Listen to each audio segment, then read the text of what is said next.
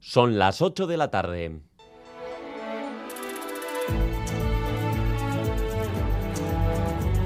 En Radio Euskadi, Gambara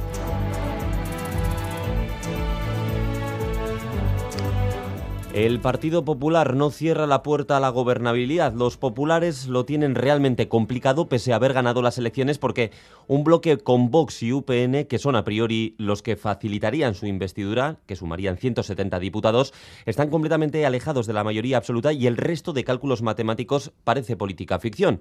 Alberto Núñez Feijóo, aún así, intentará sumar fuerzas y para ello ya ha empezado su ronda de contactos, también según Feijóo con el PNV. Creo que mi deber es liderar las conversaciones para formar un gobierno en España. He hablado con el líder de UPN, que me ha confirmado ya el apoyo, así como con el presidente de Coalición Canaria, con quien se ha abierto el camino al mismo efecto. Ha habido ya un contacto con el presidente del PNV, que espero ampliar en los próximos días, y también he hablado con el presidente de Vox,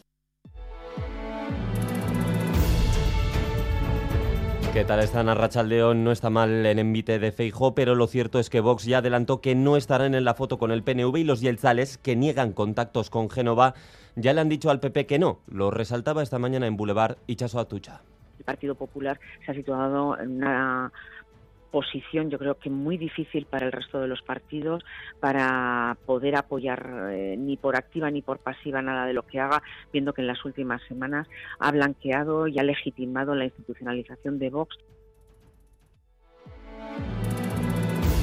El que sí tiene posibilidades, algo más realistas al menos, eh, de gobernar es eh, Pedro Sánchez. El PSOE es la segunda fuerza con 122 escaños que sumados a los de Sumar más los del resto de partidos que han apoyado al anterior gobierno, entre ellos Euskal Herria Bildu y PNV, podrían alcanzar los 172 diputados. Aún así, hace falta una llave y la tiene Junts, que podrían facilitar la gobernabilidad con una abstención, pero los catalanes piden cosas a cambio. Escuchamos a Josep Rius, portavoz de Junts. L'acció que, que duguem a terme a Madrid versi sobre dos grans principis com són l'autodeterminació i l'amnistia. I en aquest sentit, Los catalanes que piden la autodeterminación y la amnistía, veremos en qué queda. En cualquier caso, el nuevo mapa electoral nos deja en Euskadi la foto de un triple empate en escaños. El Partido Socialista, que relega al PNV, que deja de ser la primera fuerza para ser segunda. Tercero, Euskal Herria Bildu, que sigue la senda del ascenso, logrado sus mejores resultados en unas elecciones generales.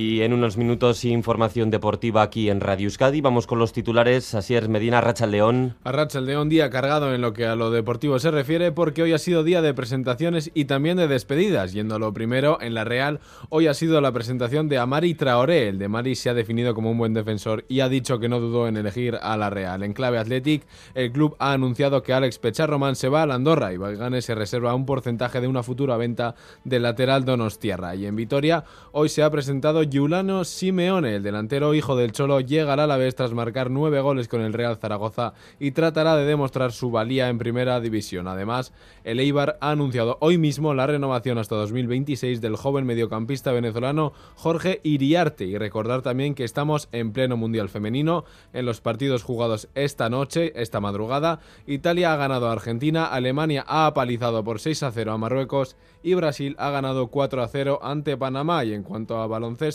Basconia acaba de anunciar que habrá dos salidas, son las del letón Artur Skurus, que abandona el club tras 8 años, y la de Steven Eno, que se marcha tras 2 años en Gasteiz para recalar en el Tour Telecom de Ankara. Después llegarán los deportes aquí en Radio Euskadi. Vamos ahora con el pronóstico del tiempo con Euskalmet, Maya Leniza, León. A León, durante las próximas horas se mantendrá el ambiente gris. Todavía puede llover un poco la vertiente cantábrica el viento noroeste se está dejando notar y a medida que avancen las horas irá ganando fuerza, de modo que terminaremos el día con la misma tónica y para mañana martes no esperamos muchos cambios. Mañana las nubes volverán a ser abundantes en la mitad norte, donde puede llover un poco, sobre todo cerca de la costa y en el este del Guipúzcoa. En cambio, en el sur veremos más claros y por la tarde irán a más. Mañana, además, seguirá soplando el viento del noroeste, con algo más de fuerza en el litoral y el ambiente será fresco, con máximas que no superarán los 22-23 grados. es decir, mañana seguimos con nubes y algo de lluvia en la vertiente cantábrica. En el control técnico Miguel Ortiz y Asier Aparicio comenzamos.